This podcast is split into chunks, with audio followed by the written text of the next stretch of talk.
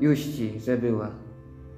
Tuż na wschodzie, jakby się rozdarły burę opony, a z głębokich granatowych głębin rodziła się gwiazda i zda się, że rosła w oczach. Leciała, pryskała światłem, jarzyła się coraz bystrzej, a coraz bliżej była, aż rok uklękł na śniegu, a za nim drugie.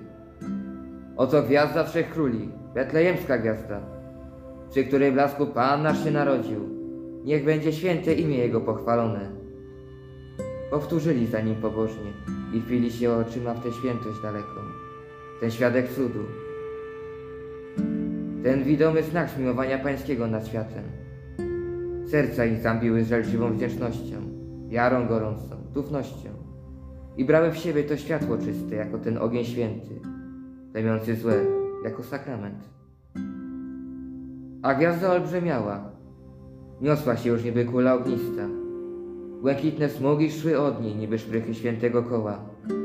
Iskrzyły się po śniegach i świetlistymi trzaskami rozdzierały ciemności, a za nią, jako te służki wierne, wychylały się z nieba inne, a liczne, nieprzeliczoną i nieprzejarzoną gęstwą. Że niebo pokryło się rosą świetlistą i rozwijało się nad światem modrą płachtą, przebijaną srebrnymi gwoździami.